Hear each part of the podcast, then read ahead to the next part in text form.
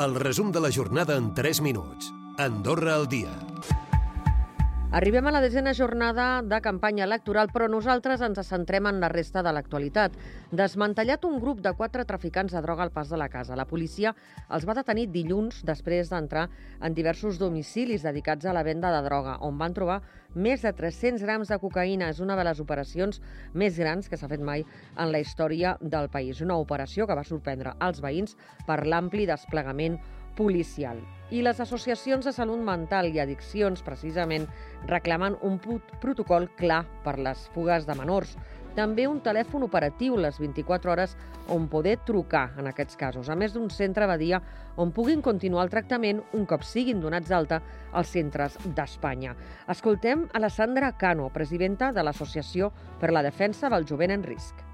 El recurs ha d'estar al país, els nens no han d'estar fora d'Andorra per recuperar-se de les seves malalties relacionades amb temes de trastorns de conducta o de problemes mentals i de la preocupació pels menors i pels nostres joves a la preocupació pels nostres boscos. El Comú de la Massana fa neteja de boscos per prevenir els incendis.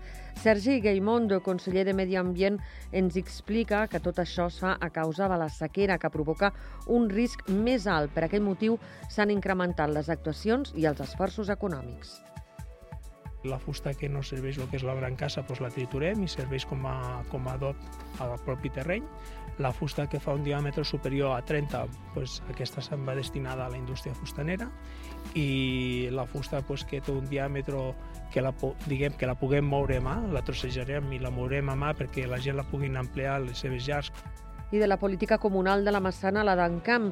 15 anys després, Turisme en Campes de la Casa renova la seva imatge turística amb les muntanyes com a protagonistes. Desplegar la nova marca ha costat 60.000 euros, ens ho explica la cònsul major d'Encamp, Laura Mas.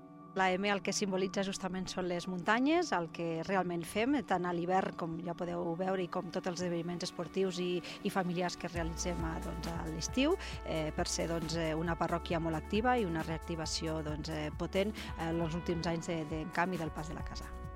I més informació turística, ara parlem dels llits d'hotel. L'ocupació hotelera el darrer cap de setmana ha estat de gairebé el 65%.